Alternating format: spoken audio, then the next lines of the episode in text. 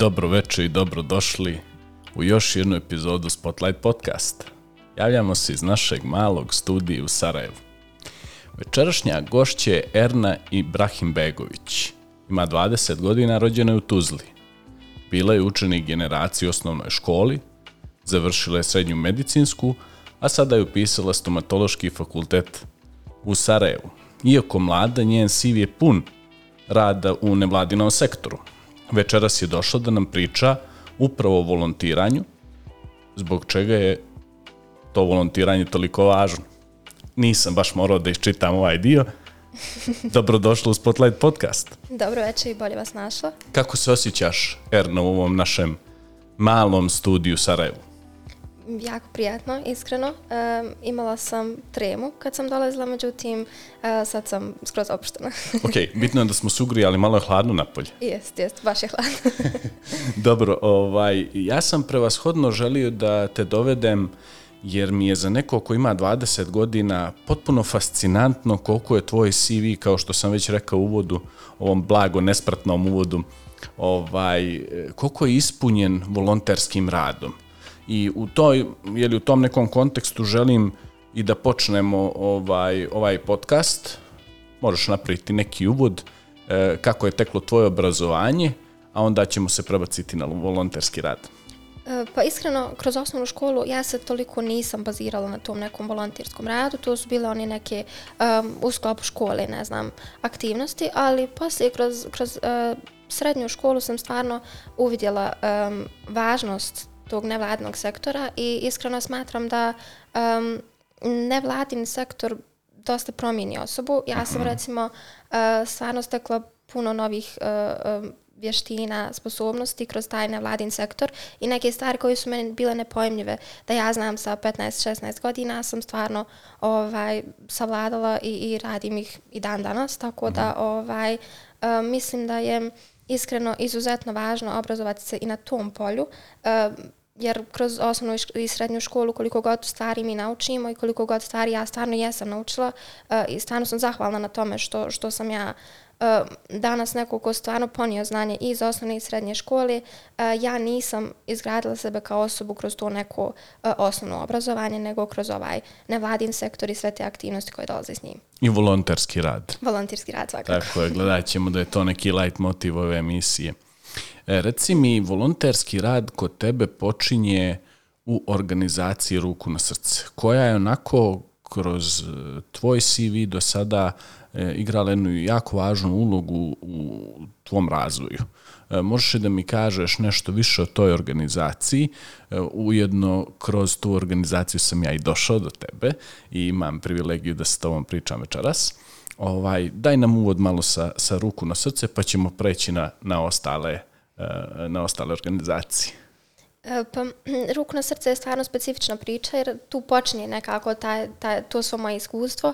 E, mislim da je bila 2020. godina e, i ja sam bila kući kao, kao i svi ostali ali, i ovaj, vidjela sam da oni imaju neki projekat e, koji je bukvalno davao instrukcije srednjoškolcima i prolazio s njima kroz tu neku online nastavu koja je stvarno bila um, ja iz svoje perspektive mogu reći katastrofa. Evo ne znam, mislim Dobro. da mislim da se ovaj e, moji vršnjaci svakako slažu s tim. Ovaj e, ja sam dugo tražila neki volonterski angažman, angažman ali e, prvenstveno humanitarnog tipa u Tuzli i nisam mogla doći do njega. Tako da kad sam slala e, prijavu za volonterski angažman u ruku na srce, nisam očekivala neki pozitivan ovaj feedback jer ono e, on su u Sarajevu, ja sam u Tuzli i ja ne znam kakva tu saradnja može biti, međutim, ovaj, um, mail koji sam ja dobila je bio stvarno uh, nekako uh, fino sročen i, i nekako je meni ulio nadu da ja stvarno mogu doprinijeti tom projektu i projektima koji se nižu poslije. Tako da sam ja ovaj krenula s tim projektom i pošto sam ja tad bila ono e, baš oduševljena svim tim e, nekako projektima, aktivnostima, ja sam se uključivala u baš puno njih i onda su se nekako projekti samo nizali. E, moje kolege su mi dale neku podršku da ja pokrenem, ne da pokrenem, nego da recimo uradim jedan dio akcija uživo u Tuzli. E, I to je počelo, ne znam, s podjelom igračaka. Nakon toga uh, smo radili jednu baš veliku akciju uh, gdje smo e, nosili u, u izbjegličko nasilje neke pakete hrane, tako da ovaj, um, ta, taj neki vjetar u leđa koji sam ja imala od njih je bio uh, baš nekako lijepo iskustvo, prijatno i uh, onda evo, sad sam trenutno u upravnom odboru posljednje dvije godine i stvarno ruk na srce je nešto bez čega ja ne mogu i, i što će nekako činiti sastavni dio mog CV-a još duže. Možeš i da mi kažeš, molim te, s obzirom da si sada unaprijeđen i da si u upravnom odboru, šta otprilike podrazumijevaju ta jeli, prava i obaveze članova upravnog odbora organizacije Ruku na srce? E, pa mi u suštini ovaj, imamo ta, nosimo nekako pod navodnim znacima teret tih uh, aktivnosti i, i projekata, jer mi mjesecima prije planiramo zapravo, imamo sastanke i, i radimo na svim mogućim ishodima tih projekata. Ovaj, e, ne bih rekla da je nekako ogromna obaveza, ali ovaj uz nekako ekipu koja, koja čini trenutno upravni odbor je stvarno sve dosta lakše. Recimo, ovaj posljednji projekat Nijedno dijete bez paketa će onako naš glob, najveći projekat i poznat smo po tom projektu, ali ovaj nije, nije bilo ništa teško s obzirom da smo svi nekako tu jedni za druge da, da uskočimo tamo gdje neko ne može, jer ono, svi, imamo, svi smo tu volonterski angažovani, svi imamo taj neki svoj život, međutim ovaj, sve stižemo i, i sve uspjevamo jer nekako funkcionišemo kao jedno, ne znam. Evo, stvarno je lijepo iskustvo. Super paketić za svako dijete, naravno, ko ne može da ne podrži. Možeš da mi kažeš e, sa strane to da li si bila uključena i neke edukativne radionice, e, konkretno ove organizacije i šta je bilo u pitanju? E, jesam. E, ja sam radila na, na kursevima jezika za djecu. Mm. Ovaj, učestvovala sam isto i u organizaciji nekih uh, škola programiranja koji su nekako trenutno baš aktuelne jer se djeca baš interesuju za njih. Ovaj, um, ja bih rekla da su to izuzetno važni ovaj projekti jer uh, svakako predstavljaju neki dugoročni, dugoročnu pomoć, odnosno imaju neki dugoročni efekat. Djeca uh, ne znam, ili poprave ocjene u školi ili se nekako uh, sami se više angažuju da uče nove jezike, nove stvari i stvarno je ovaj uh, izuzetno su pozitivni uh, odzivi djece i pozitivni su ishodi projekta, projekata. Ovaj, um, nedavno smo baš imali i kurs turskog jezika i uh, kurs bosanskog jezika za djecu koja nije priliku da uče isti uh -huh. i stvarno su nekako i ti edukativni projekti ovaj non stop šire iako evo moram priznati trenutno su naj, najpoznatiji i nekako najtraženiji ti IT ovaj uh, usmjereni projekti. Dobro, to je potpuno razumljivo uh, s obzirom na, na, na vremenski aspekt u kome se mi nalazimo i okvir. Možeš da mi kažeš ovako tvoje neko E, zapažanje da li su učenici spremni da se e, edukuju i da budu involvirani više ukoliko nije ono za ocjenu i je li profesor će ispitivati za ocjenu i moram da naučim za ocjenu. Ako, ako imamo neke deskriptivne ocjene ili ako imamo dođi samo da naučiš i nema presije, da li su onda više spremni da, da usvajaju ta znanja? Šta je neki tvoj e, dojem? Pa iskreno da budem, mislim da ovaj e, je individualno uh -huh. i mislim da ima puno ovaj koji su ono tu samo da poprave te svoje ocjene. Uh -huh. Sjećam se baš bilo je ovaj e, ne znam, neko mi se javi tipa jednu noć da mu pomognem za sutra za kontrolni ili tako nešto. Uh -huh. ovaj, s druge strane ima i tih, uh, ima i tih učenika koji stvarno ono, e, žele, žele da nauče i izvuku maksimum iz svega toga što im predavači nude, tako da ovaj individualno i definitivno ovaj u zavisnosti od toga o kome se radi i nekako na kraju na tim nekim finalnim testovima koje organizujemo, ovaj imamo različite rezultate. Mm, super. Dobro, ja sam vidio iz tvog CV da si ti e, članica asocijacije srednjoškolaca BiH. Uh, jesi dalje si bila s obzirom da, da, da si naravno ovaj već na osnovnim studijama. Možeš da mi kažeš uh, kako je tajna asocijacija uticala na tvoj razvoj, šta su bili tu neki uh, ključne aktivnosti i malo nam reci asocijacije srednjoškolaca BiH? Um, trenutno nisam, da, ovaj, nisam više. ovaj, um, u asocijaciju srednjoškolaca uh, sam nekako ušla sa prijateljicama iz srednje škole, oni su nekako uh, radili tu. Ja sam smatrala da će meni tu biti dosadno, jer sam ja mhm. neko ko ono, uh, nisam, nikad voljela taj neki aspekt uh, djelovanja, ne znam, ljudska prava i tako to možda čudno zvuči, ali stvarno mislila sam da će mi biti dosadno, međutim nije bilo. Ovaj, mi smo kroz asocijaciju imali baš fine projekte. Uh, asocijacija generalno se bavi poboljšavanjem statusa srednjoškolaca u Bosni i Hercegovini i uh, iza sebe imaju um, stvarno uspješne ovaj projekte. Uh, ja sam bila na, na mnogim radionicama koje smo mi organizovali. Uh, generalno bile su to radionice i za nas same, ali ovaj uh, bile su radionice koje smo otvarali onako za širu javnost i stvarno uh, smo dosta toga naučili u, u asocijaciji. Ovaj, um, nekako, meni, meni je naj, najbolji dio svega toga bilo to što su tu sve tvoji, tvoji vršnjaci i što smo se mi nekako ono, uklopili, imali smo različite sastanke, team buildinge i to je bilo onako baš lijepo i opuštajuće iskustvo u, u svemu tome. Ono, kroz te neke srednjoškolske godine smo imali taj aspekt gdje smo se samo dolazili, družili, radili smo fin, prave stvari, ali smo nekako ono više uživali u svemu tome. Da, ja malo sad kad ti pričaš, ja pokušavam da malo vizualizujem to i, i, i da, da zamislim neke konkretne akcije koje su uh, u dijelu obrazovanja i edukacije više nego nekog networkinga. Možeš da mi se prisjetiš koje su bile neke, neke ključne akcije u okviru asocijacije koje su doprinijele do koje su naprosto napravile neku promjenu, kako kod tebe individualno, tako i kod uh, uh, tvojih, uh, da kažem, uh, kolega u tom momentu. Um, svakako. Ja se sjećam, evo, recimo, meni je, meni je upečatljivo ostalo uh, to što je asocijacija mladih se, uh, asocijacija mladih, asocijacija srednjoškolaca se izborila za um, uh, onaj fenomen škola uh, pod dva krova, gdje, gdje su uh, učenici bili odvajani u suštini uh, na osnovu svojih jeli, religijskih opredjeljenja i to je meni onako nekako baš upečatljivo ostalo da uh, smo mi, recimo, jedna, jedna mala, mislim, nije, generalno nije mala skupina, asocijacija mladih uh, postoji u svim gradovima Bosne i Hercegovine i to je stvarno super, ali ovaj nekako um, mi, mladi ljudi, smo uspjeli to da promijenimo i uh, sad ti učenici se zapravo mogu družiti s ljudima koji su drugi i drugačiji od njih. Uh, također, uh, asocijacija mladih je pružala nekakav vid um, opredjeljenja u smislu narednih uh, naših jeli, izabira univerziteta i slično. Mm. Sjećam se da smo imali i predavanja ovaj, uh, za koje asocijacija mladih, asocijacija srednjih školaca obezbijedila prostor ovaj,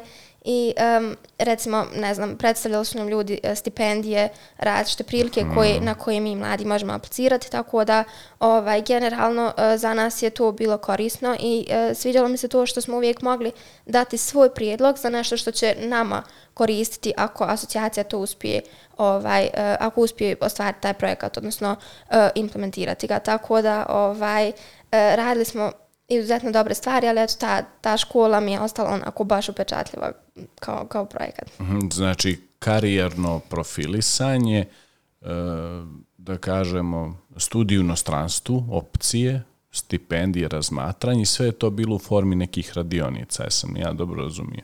Pa jeste, generalno ovaj, smo imali radionice, imali smo sastanke, ovaj, e, isto imali smo recimo e, dan kad smo mi mijenjali svoje svoje mjesto sa, sa zaposlenima negdje uh -huh. e, i, i taj dan smo mi kao radili ovaj, i, i tu dnevnicu smo koristili za fondove kako bi implementirali dalje projekte. I to je bilo stvarno super iskustvo jer smo mi ono mladi i, i dođemo sad i kao u svijet odraslih, eto ja bih to tako ovaj, percipirala i bilo je izuzetno zanimljivo, a s druge strane ovaj, e, e, naučili smo nove stvari i recimo u zavisnosti od toga na kojem radnom mjestu smo se mi našli, ovaj, vidjeli smo kako, kako to sve funkcioniše, šta ljudi tu rade zapravo, da nije to sve tako kako se nama čini iz, izvana. Tako da ovaj, imali smo stvarno puno dobrih projekata, ali od, kao što sam rekla, ono, nekako uh, poboljšavanje statusa srednjoškolaca je, je nekako bila ta uh, čitava priča, ali u, u sklopu nekih radionica i zanimljivih stvari koje, koje bi nama privukle pažnju.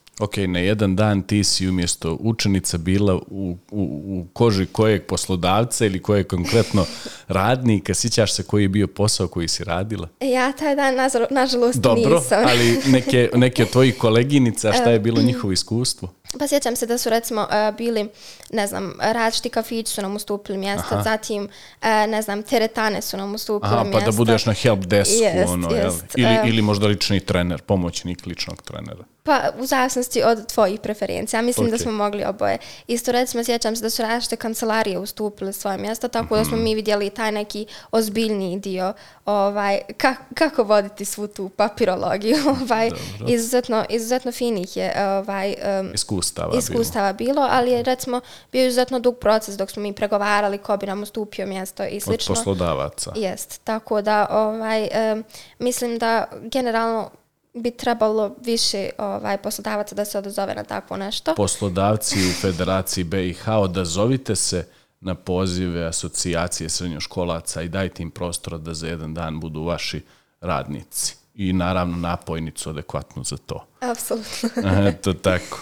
Dobro, e, uvijek sam razmišljao malo, s obzirom na jeli, stakeholdere, sve oni koji su uključeni na bilo koji način gledaju da, da doprinose, da kontribuju toj e, asocijaciji srednjoškolaca, koji je osnovni medium komunikaciji, kako, kako e, stakeholder, ljudi koji su zainteresovani komuniciraju sa vama i kako vi komunicirate među sobom, da li su to neke Viber, Facebook grupe, Whatsapp grupe ili na koji način najbrže i najbolje prenosite informaciju o konkretnoj akciji?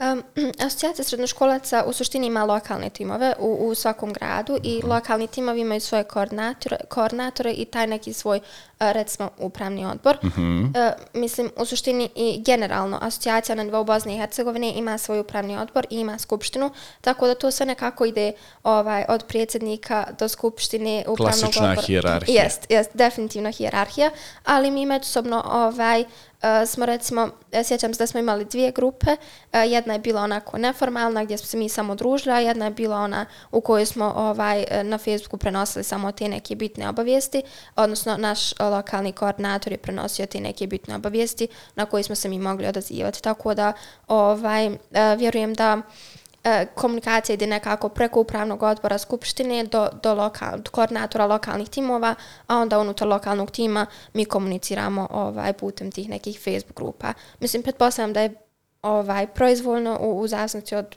koordinatora, ali evo, mi smo ko preko Facebook grupe. Jasno. Dobro, e, dosta o tome. Sada bih se prebacio na udruženje građana Multi. Ako sam ja to dobro vidio, možeš da mi kaže šta su neki, šta je osnovna vizija, šta je konkretno udruženje građana, šta su neki ciljevi, misije i koja je konkretno bila tvoja uloga u ovom udruženju građana polako. Um, pa ja sam generalno u Udruženje građana Multi uh, nekad ušla, mislim, prošle godine ili tako nekako. Ovaj, um, uh, Udruženje građana Multi se u suštini bavi, bavi, nekako um, pravima građana, odnosno uh, uh, slobodama. Generalno zasnija se nekako na ekonomiji i na pravu. Um, zanimljivo je da Udruženje građana Multi zapravo uh, je nekako jednim timom, odnosno razvaja se i na Let's Do It u kojem sam ja također, ovaj, koji se bavi ekologijom. Um, u Multi sam ja bila projektni koordinator i tu sam imala različite ovaj, um, neke zadatke, recimo to su bili neki seminari. Uh, jedan je mislim bio na, na temu ekonomije, mislim generalno su ono većinom na temu ekonomije. Ovaj, a sjećam se i um, da smo zapravo imali jedan projekat gdje su različiti predavači ovdje na e, uh, SST-u na univerzitetu imali ovaj isto predavanje na temu um, ekonomije i da smo mi dolazili tu na to predavanje. Ovaj, izuzetno lijepo iskustvo i generalno ja kao neko koji je u tom nekom medicinskom polju kroz, kroz svoj nekako čitav Formalno život. školovanje. i- Jest. Dobro. Ovaj, e, sam naučila neke stvari koje recimo dotad nisam znala i mislila sam da me se generalno ta ekonomija i ne tiče, ali je ovaj, em, bilo zanimljivo i izuzetno lijepo znati e, stvari iz različitih, nekako iz različitih e, grana, recimo. Eto. Super, super. Dobro, već smo se malo dotakli Let's Do It-a. E, šta je konkretno Let's Do It? E, uvedi nas malo u tu povezanost sa, sa, sa građanskim pokretom Multi i, i, i šta je konkretno projekat Let's Do It? Um, pa Udruženje građana Multi, uh, odnosno Let's Do It radi pod pokroviteljstvom Udruženja građana Aha. Multi. Uh, međutim, to je nekako ono zaseban, uh, imamo zasebnog uh, koordinatora i slično. Ovaj, um, Uh, Let's Do It se zapravo bavi ekologijom, ekološkim problemima. Recimo, naj, najznačajnija nekako akcija uh, koju Let's Do It ima je uh, Očistimo zemlju za jedan dan, gdje ovaj, okupi stotine volontera. Evo, recimo, u mom gradu stotine volontera, a na nivou Bosne i Hercegovine vjerujem i više. Ovaj... Izvini, kad kažeš u tvom gradu u Tuzli ili u Sarajevu? U Tuzli. Dobro, dobro, jer trenutno smo u Sarajevu, za sve one koji nas gledaju i slušaju, dobro. Ovaj, I onda smo, recimo, čistili, e, obično je to bilo izletište, e, e kod nas e, je izletište popularno Ilinčica, jeli, gdje ovaj, je stvarno... e, e, bukvalno ja, ja svake godine i, i, i mnogo nas svake godine je iznenađeno koliko smo mi zapravo u stanju da zagadimo taj dio i bez obzira na to što mi iz godine u godinu pokušavamo očistiti taj dio, ljudi i dalje ovaj, odlažu svoj otpad tu i stvarno, stvarno mi nije jasno ovaj, eh, zašto, zašto to radimo jer je stvarno lijepo, ima puno potencijala ovaj, da, da, ne znam, evo, služi za nedjeljno druženje s porodicom, s malom djecom, ali evo, mi odlučimo da, da uništimo takve stvari. I Šerne, sa nepunih 20 godina tebi je na novo iznenađujuće, a meni sa nepunih 40, ja sam utrnuo. mene, mene to više uopšte ne iznenađuje. Mene iznenađuje kad neko uzme i pokupi za sobom, znaš, e, ali polako, da nispada da kritikujemo polako, se mijenja percepcija. Ja imam E, u Belu si upoznala, već vidim kako po Sarajevu ljudi nose kese, e, kupe za svojim psima, to je u Beogradu već uveliko ovaj, prisutno, ljudi će to pomenuti, čak i da se to desi u parku, uh, Eh, dok u Crnoj gori so, so, što bi rekli.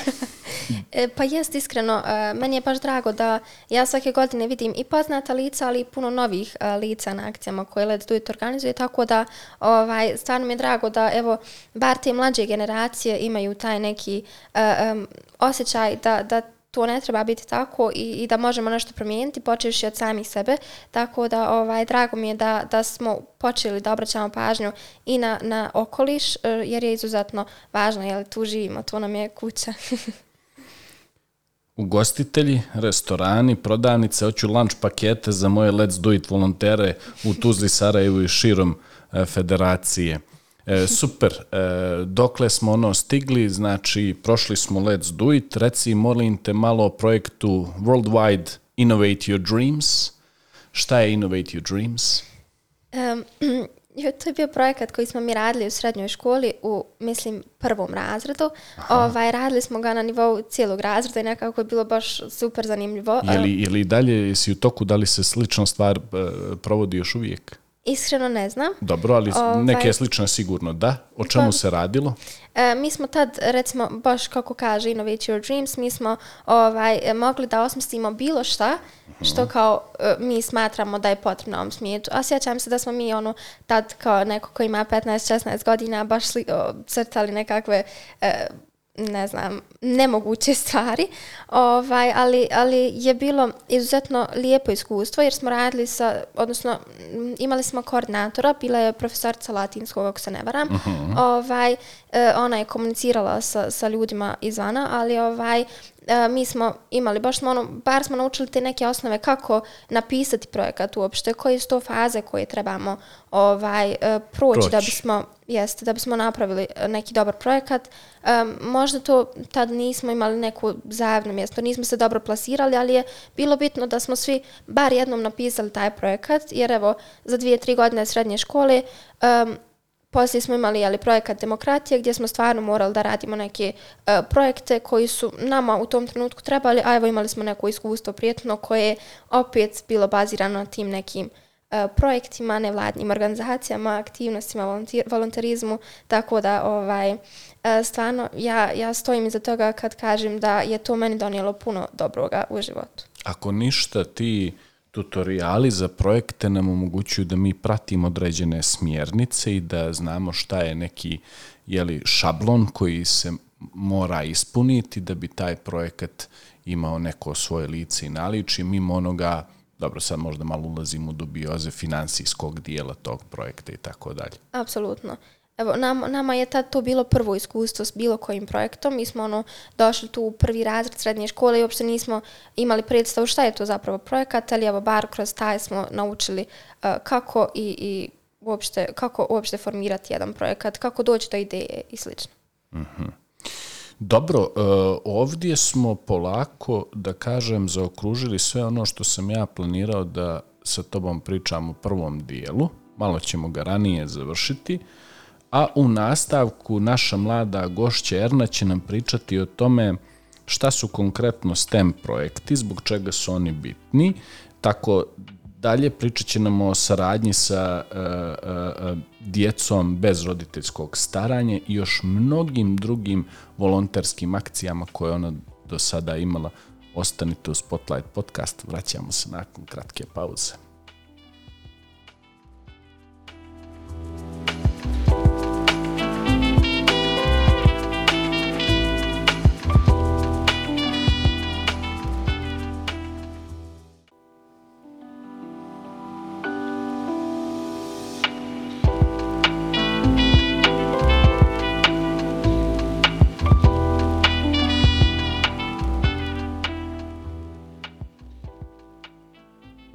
Evo nas nakon kratke pauze sa nama mlada Erna Ibrahim Begović.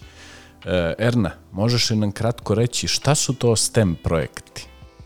E, pa evo, ja bih rekla da su STEM projekti, bar meni, svi oni projekti koji se tiču nekako nauke i, i tehnologije. Mm -hmm. recimo, ja, ja sam neko ko, ko evo voli nauku, ali nije nešto e, zainteresovan za tehnologiju, tako da mi je bilo izuzetno drago da sam ja bila dio tog jednog STEM kampa ovaj, u kojem sam naučila nove stvari, evo i iz grana koji me možda nisu interesovali. Sjajno. Inače, STEM je akronim, je li tako?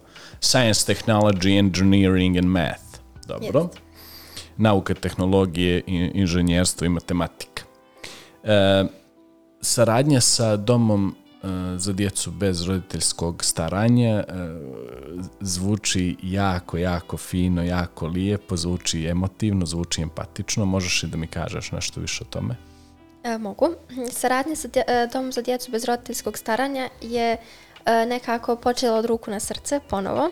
Ovaj, um, ja sam u dom za, za djecu bez roditeljskog staranja nosila igračke koje smo mi recimo kroz naš uh, projekat Nijedno dijete bez paketića uh, sakupili i bilo ih je i puno, a i neke igračke jednostavno ne možemo staviti u paketiće jer su prevelike, tako da sam uh, ja u, u dom za djecu bez roditeljskog staranja nosila te velike igračke kako bi oni ovaj, um, imali te igračke na neko zajedničko korištenje i uh, stvarno je osjećaj koji se ne može opisati ovaj, jer mi smo donijeli te igračke onako u nekim vrećama i ovaj, djeca su ih odmah ono, gledala, uh, razmjenjivala, igrala se s njima što je bilo stvarno super. Super. E, možeš da mi kažeš malo o, o, o klubu mladih e, Tignum e, koje se realizuje pod e, pokroviteljstvom jedne asocijacije? E, mogu. E, Tignum zapravo organizuje e, edukativni centar Nahla ja sam bila članica Tignuma u Tuzli.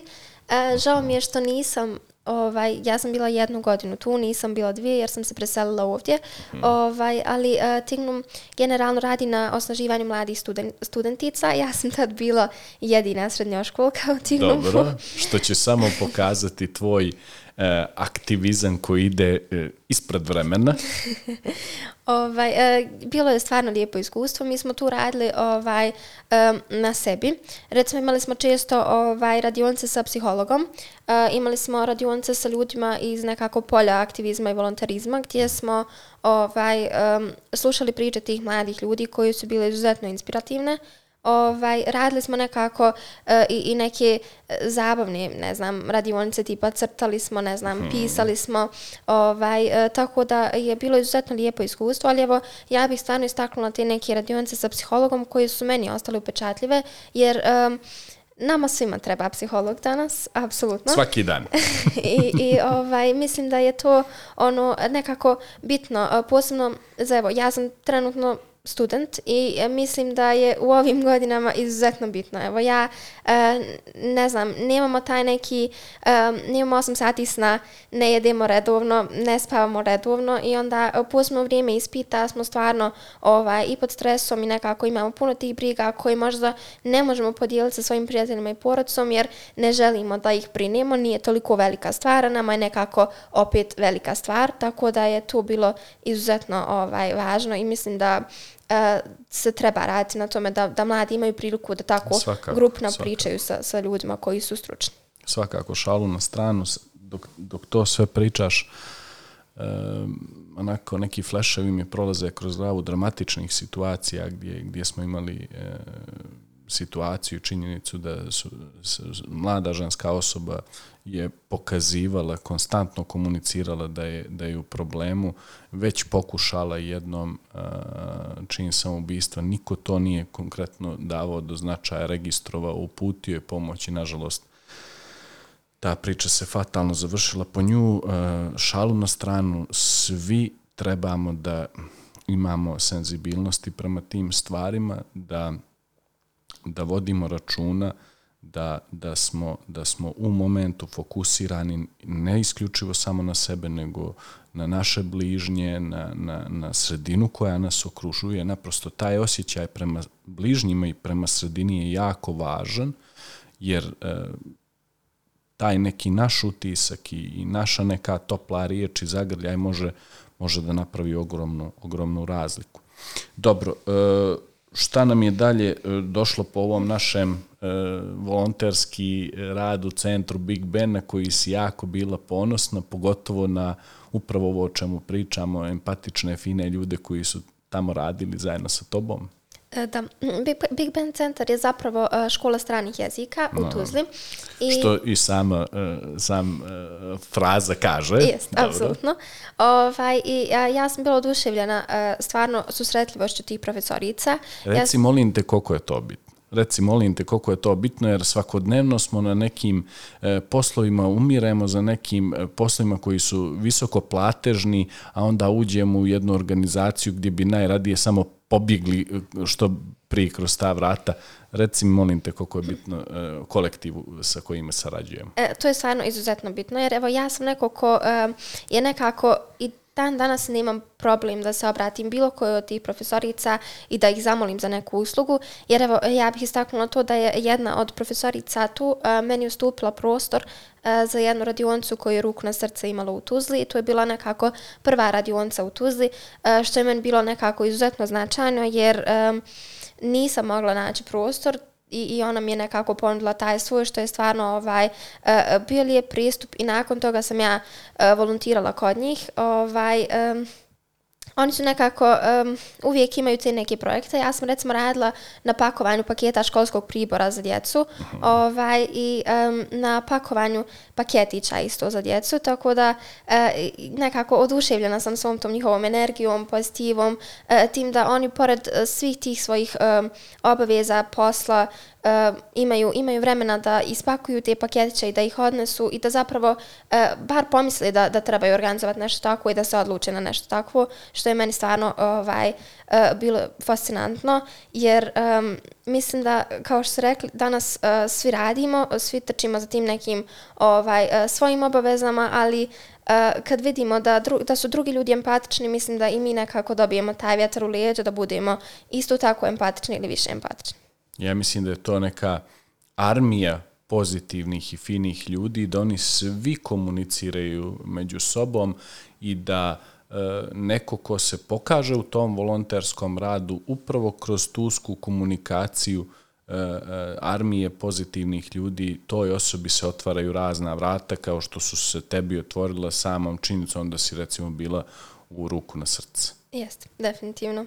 Stvarno jeste ovaj um, Hm, upoznaš puno, puno uh, finih ljudi, ljudi koji imaju inter, iste interese kao ti, a uh, pored toga um, nekako uh, uvijek se možeš osloniti na druge ljude, ovaj, uh, u, u nekako uvijek poznaješ osobu koja ti može pomoći sa tom nekom tvojom idejom, tvojim projektom koji, o kojem ti razmišljaš ili nekom uh, privatnom, evo, recimo, brigom, problemom ili nečim sličnim.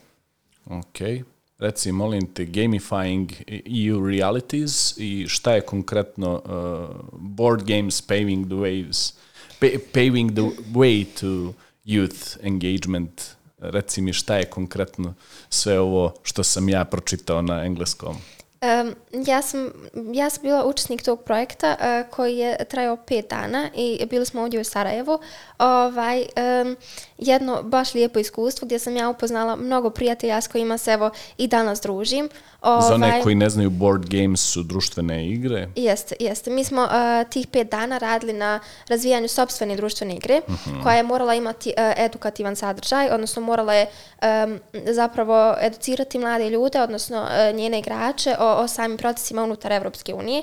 I ovaj, mi smo imali baš mnogo ideja, ono, uh, ne znam, za različite igre, spajali smo, ne znam, monopol, ono, ali ovaj, na kraju smo napravili igricu koja je zapravo uh, meni bila zanimljiva i, i stvarno uh, naučili smo mnoge stvari koje ja tad nisam znala. Bila sam, ono, neko koga nije zanimalo toliko i generalno mislim da ni dan danas ne bih ušla da čitam uh, neki odluke o tome šta se dešava unutar Evropske unije i slično, ali evo kroz ovu igricu stvarno smo... Glavna o... tijela, protokoli i tako da. Apsolutno. I čekaj kako to izgleda, ja bacim one kockice, odšao je tam pionom i to pitanje moram da odgovorim ili šta?